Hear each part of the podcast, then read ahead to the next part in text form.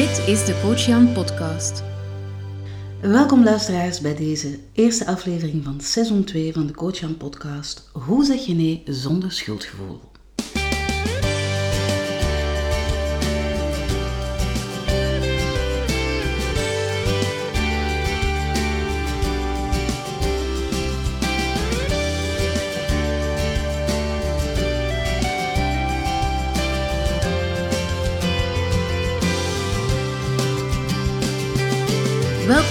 Coach Jan podcast, jouw online gids naar een sprankelend en betekenisvol leven.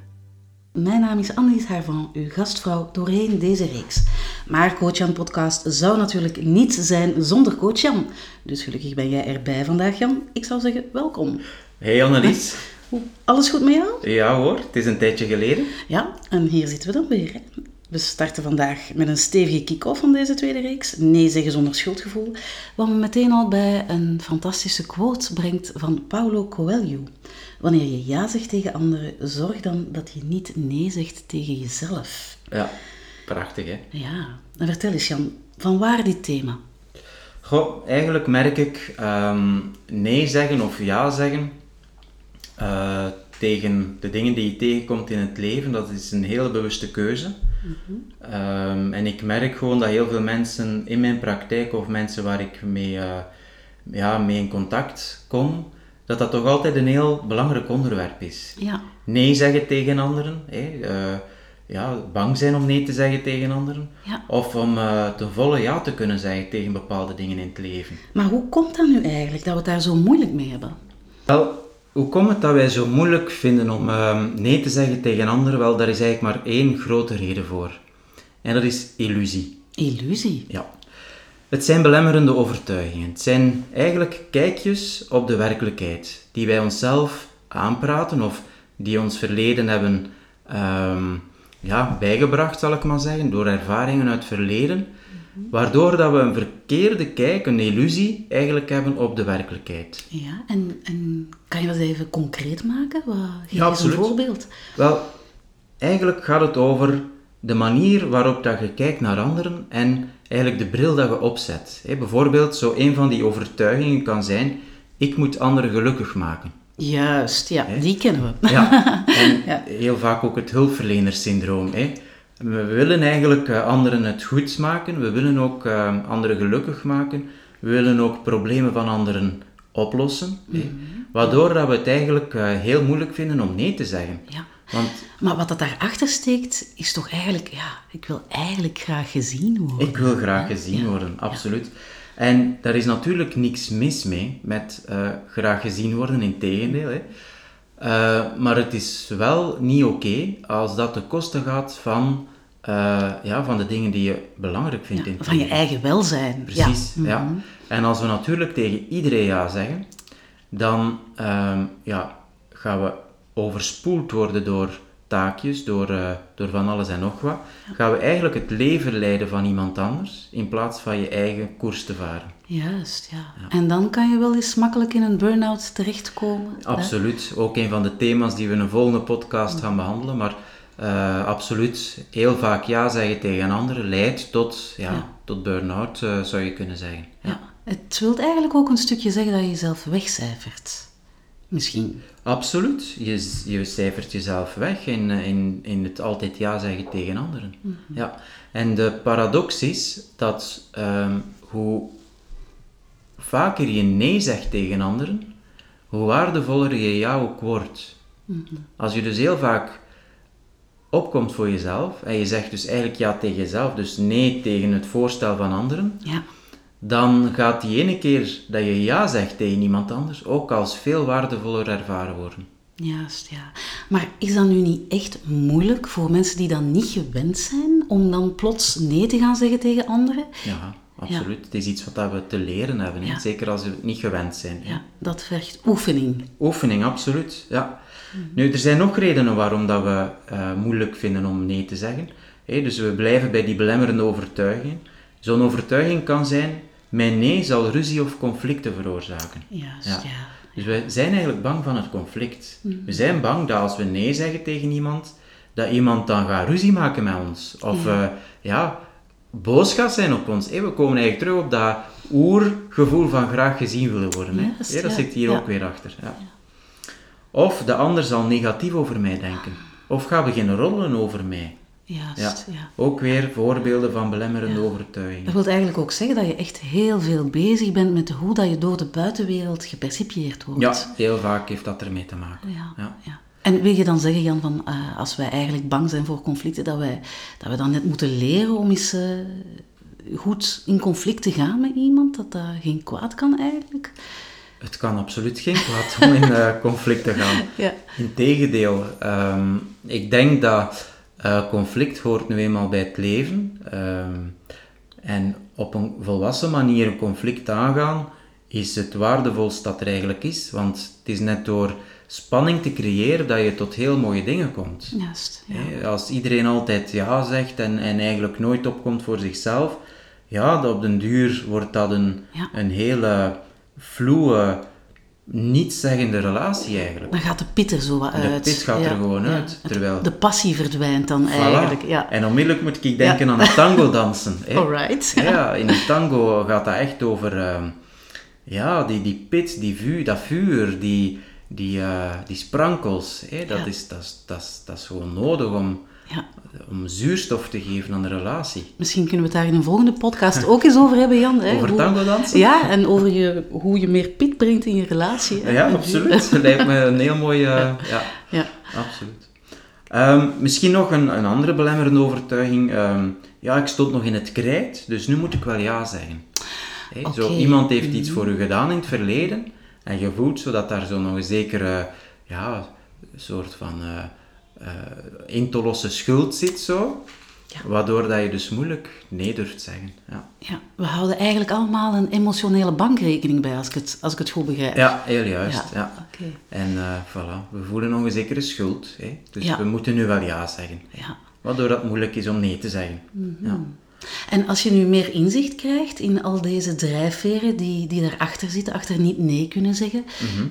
is dat dan genoeg om, om dan, om dan ja, eh, nee te kunnen zeggen of te leren zeggen? Of is er meer voor nodig? Er is zeker en vast meer voor nodig, maar ik denk wel dat het start bij de juiste mindset.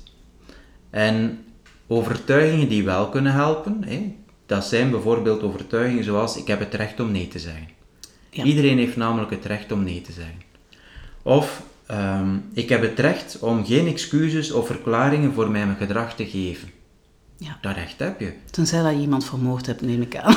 Ja, dan worden wel ter verantwoording geroepen. Dat was een flauw grapje. Annelies, je hebt toch geen, eh, geen, geen ideetjes om hier eh, ter plaatse moord te begaan? Eh, nee, nee, nee. Dat Ah, ja. zit niet meteen op de voorgrond in mijn hoofd. En een andere overtuiging die ook kan helpen is, ik- het is niet nodig dat anderen me aardig vinden om, elkaar, om met elkaar te kunnen omgaan. Het is niet nodig om anderen aardig te vinden om met elkaar te kunnen op, omgaan. Of dat ze mij aardig Dat vinden. ze mij aardig Ah, ja, vinden. oké, Dus ja. het is ook oké dat andere mensen u niet aardig vinden.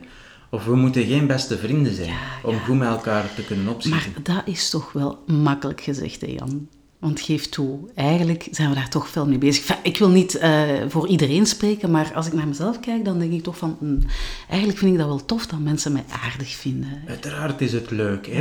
En het is zelfs een oerinstinct, want uiteindelijk, in de oertijd, toen dat we nog in stammen leefden, was dat eigenlijk gewoon een reden om te kunnen overleven.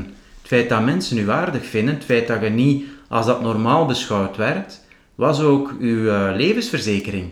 Want je ja. bleef daardoor mooi in de stam. Ja. Terwijl als je afgewezen wordt, of werd, ja, Ja, dan... dat was uw doodsvonnis, hè. Je kon nooit overleven buiten de stam. Ja. Ja. En vandaar komt dat eigenlijk, dat, diep gevoel van die angst voor de afwijzing. Ja, en, en erbij willen horen. Hè. Ja. Dus eigenlijk iedere keer die afweging maken van... Als ik ja zeg tegen een ander, zeg ik dan ook ja tegen mijzelf. Is dit echt iets wat ik wil?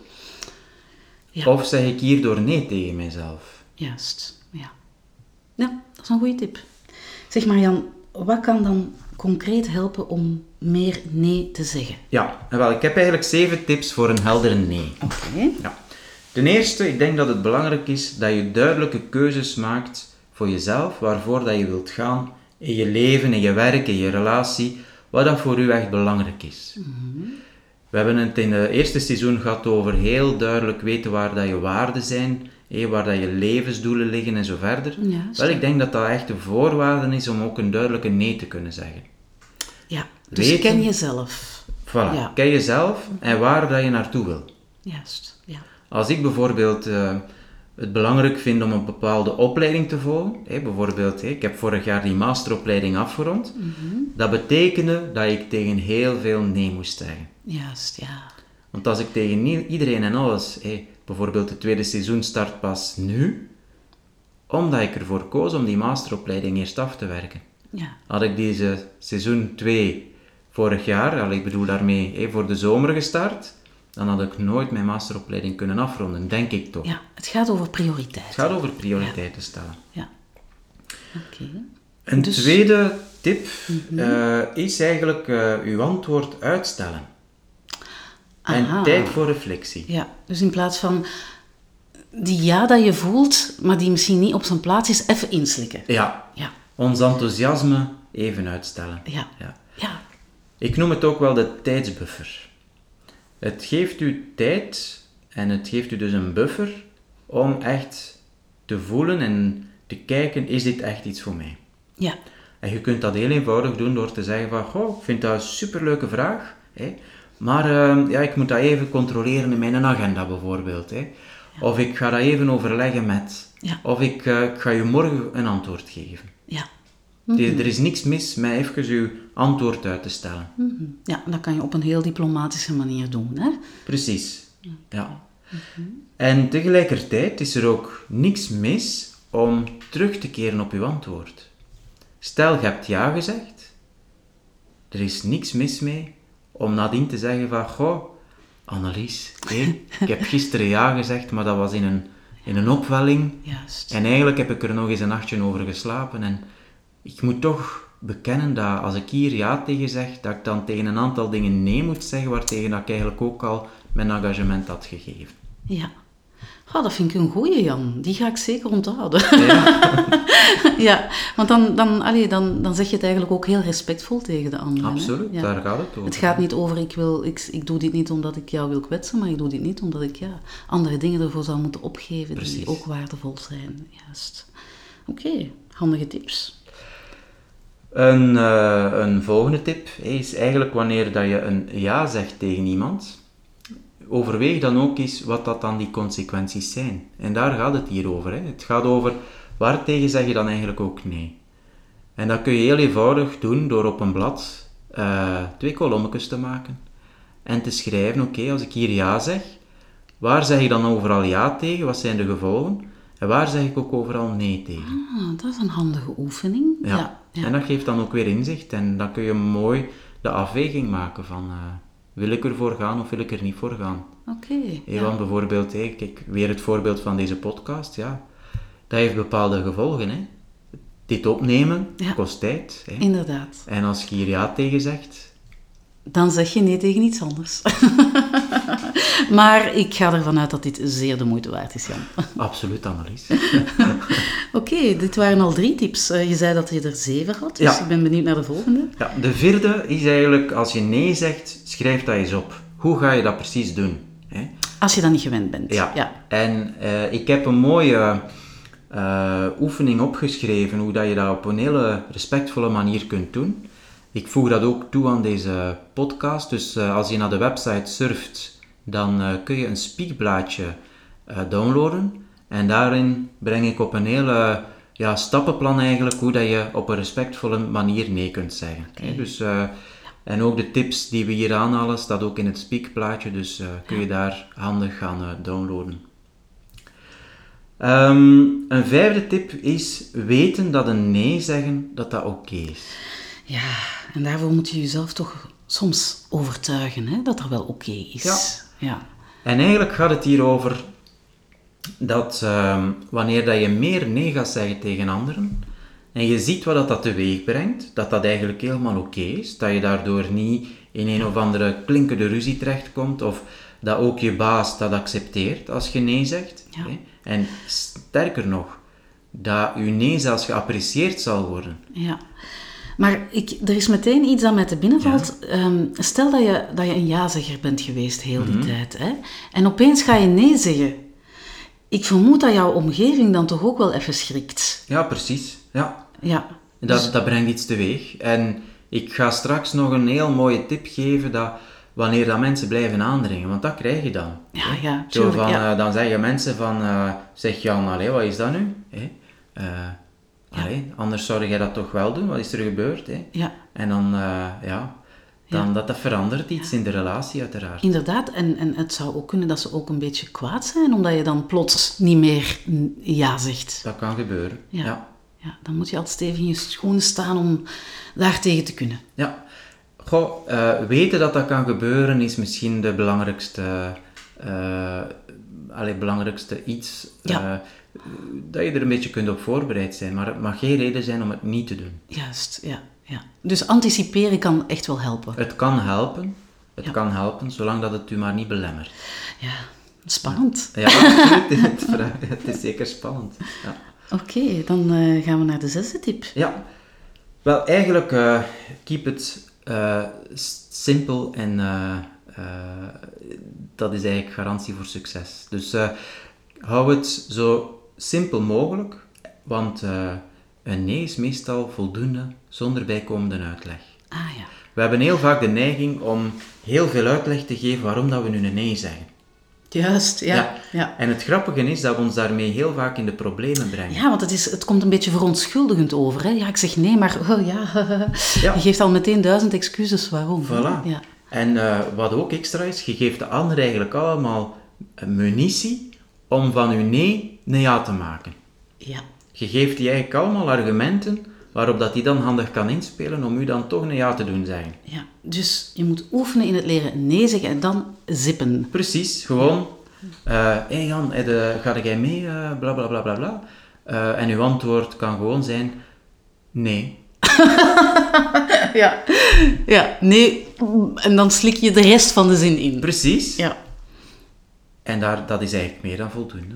Ja. En je mag natuurlijk wel zeggen van, uh, goh, ik heb er geen zin in, of uh, je mocht er wel een beetje uitleg aan geven, maar ik zeg het, hoe meer uitleg dat je geeft, hoe moeilijker dat je het jezelf maakt. Ja, dan vind je je in allerlei bochten, wat eigenlijk uiteindelijk helemaal niet nodig is. Precies. En een zevende tip is, uh, wat kan helpen, is meezoeken naar een oplossing voor de, per, voor de persoon waartegen dat je nee zegt. Hè. Mm -hmm. um, hey, bijvoorbeeld, uh, iemand vraagt, heel concreet, kreeg ik de vraag om te gaan helpen in de school van mijn kinderen. Om, uh, omdat ze daar niet startklaar zijn voor het nieuwe schooljaar. Okay. Um, ik zou dat heel graag doen, maar ja, ik moet werken, dus ik, ik, eigenlijk kan ik gewoon niet. Dus ik heb, ik heb echt ook een reden dat ik niet kan. Maar je kunt daar dan wel aan toevoegen van, goh, ik kan het misschien de vraag verspreiden onder mijn vrienden. En kijken ja. of dat daar mensen zijn. Ja. Dat is een beetje hoffelijkheid. Hoffelijkheid, ja. ja. En, en, en, eigenlijk ook behulpzaam zijn. Hè? Ja. ja. ja. En dat Absoluut. komt sowieso goed over, hè? Ja, dat zeker. toont dat je betrokken bent en dat je, voilà. Je ja. bezig bent, hè? Helemaal juist. Oké. Okay. Goed, dat waren de zeven tips. Ik zal ze misschien voor de duidelijkheid even herhalen, kort en bondig. Dus tip 1, maak duidelijke keuzes waarvoor jij wil gaan in je leven en in je werk. Tip 2, stel je antwoord uit. Geef jezelf tijd om erover te reflecteren. Tip 3. Wil je een ja zeggen tegen iets of iemand, bekijk dan ook wat de consequenties daarvan zijn. Waartegen zeg je dan eigenlijk ook nee. Tip 4. Schrijf neer hoe je nee zal zeggen. En uh, als je naar het speakblad, gaat kijken op de website, dan uh, ga je daar ook een voorbeeld krijgen over hoe je zoiets uh, kan aanpakken. Tip 5. Weet dat een nee zeggen best oké is. Tip 6. Hou het zo simpel mogelijk. Een nee is meestal voldoende zonder bijkomende uitleg. En uiteindelijk tip nummer 7. Zoek mee naar een oplossing voor de persoon waartegen je nee zegt. Mooi, ja, okay. inderdaad. Ja. Maar, maar Jan, wat als mensen nu blijven aandringen? Ja, lastig. Ja, ja, ja, ja. Want, want ik ken er wel zo'n paar die zo they won't take no for an answer. Hè? Ja, ja, ja, ja. Dat is heel lastig. Uh, dumpen zou ik... Nee, nee. Dumpen?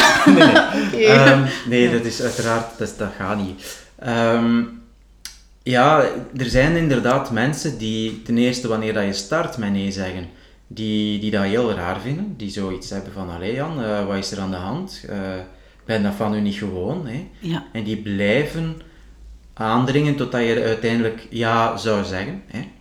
Maar er zijn ook gewoon zo mensen die, uh, die eigenlijk niet horen dat je nee zegt. Juist, ja. En die, die blijven ervan uitgaan dat je ja gezegd hebt. Hè? Hoe, hoe ga je daarmee om? Ja, juist. Wel, ik heb daar een mooie techniek voor en dat noemt de kapotte grammofoonplaattechniek. De kapotte grammofoonplaat. Ja, de kapotte grammofoonplaattechniek is eigenlijk een techniek waarbij dat je steeds herhaalt wat dat je zegt. Dus eigenlijk zoals een kapotte grammofoonplaat. En ehm, het voorbeeld uh, dat ik zou kunnen opnoemen is iemand uh, vraagt van hey Jan, mag ik eens uh, dat boek lenen van u? En normaal gezien leende jij dat heel graag uit aan mensen, maar je hebt zo het gevoel dat je boeken niet terugkomen en je denkt van nee, ik ga dat toch niet meer doen. En een vriend vraagt, Jan, mag ik je dat boek lenen? En eigenlijk zeg je van, uh, ja nee, ik ga, ik ga dat niet meer doen. Ja. En die zegt van, uh, allee Jan, wat is dat nu? Uh, waarom, waarom mag ik je dat nu niet lenen? Ja, goh, um, ik heb besloten om dat toch niet meer te doen. Dus ik, ik leen het liever niet uit. Allee Jan, dat ben ik van u niet gewoon. Ja, dat, dat begrijp ik, maar uh, ik ga het toch niet meer doen. Ja. En die vriend, uh, allee Jan, wat is dat nu? Heb je geen cursus gevolgd of zo? Eh? ja. Uh, ja, en toch ga ik het, dat ga het niet meer doen. Dus je blijft eigenlijk gewoon herhalen van uh, dat het antwoord nee is. Ah ja, en dan, en dan als ik dan die vriend even speel en goh Jan, dat vind ik nu echt teleurstellend. Ja, dat begrijp ik. Ja. Dat snap ik. Ja. En, en toch ga ik het, ga ik het niet meer uh, ja. ontlenen. Ja. Dus eigenlijk moet je toch ook wel een beetje de moed hebben om, mensen, om bepaalde mensen dan teleur te stellen met een nee. Ja, maar kijk, een nee kan als gevolg hebben dat het mensen teleurstelt. Hè? Maar dat is nu net waar dat het om gaat. Het gaat over uh, durven nee zeggen, mm. durven ook mensen teleurstellen, omdat mensen ook dan gaan beseffen dat uh, als jij nee zegt en het stelt ze teleur, dat je ook echt oprecht bent. Dat je, dat je, bedoel, wat is er mooier in een relatie dat iedereen kan oprecht zijn? Ja, dat klopt. Want dat betekent ook als je in de toekomst ja zegt, dat mensen echt kunnen rekenen op, oh wauw, die mm -hmm. bedoelt echt ja. Ja, ja, zoals je al eerder had verhaald. Ja. ja. Mm -hmm. Zeg Jan, by the way, uh, zou ik uh, een boek van jou mogen lenen? Goh, Annelies, uh, ja, ze. Uh, welke zou ik hebben? Tot zover uh, de cursus leren zeggen. Ja. Oké, dat was natuurlijk een grapje uh, van mij. Goed mensen, ik geloof dat de tijd er stilaan op zit van deze eerste aflevering van seizoen 2 van de Coach aan podcast. Vergeet niet het speakblad, het speakblad sorry, te downloaden op onze webpagina. Jan, het was alweer een fijn gesprek. Wij zien elkaar heel gauw terug. Tot uh, binnenkort. Tot binnenkort. Dag.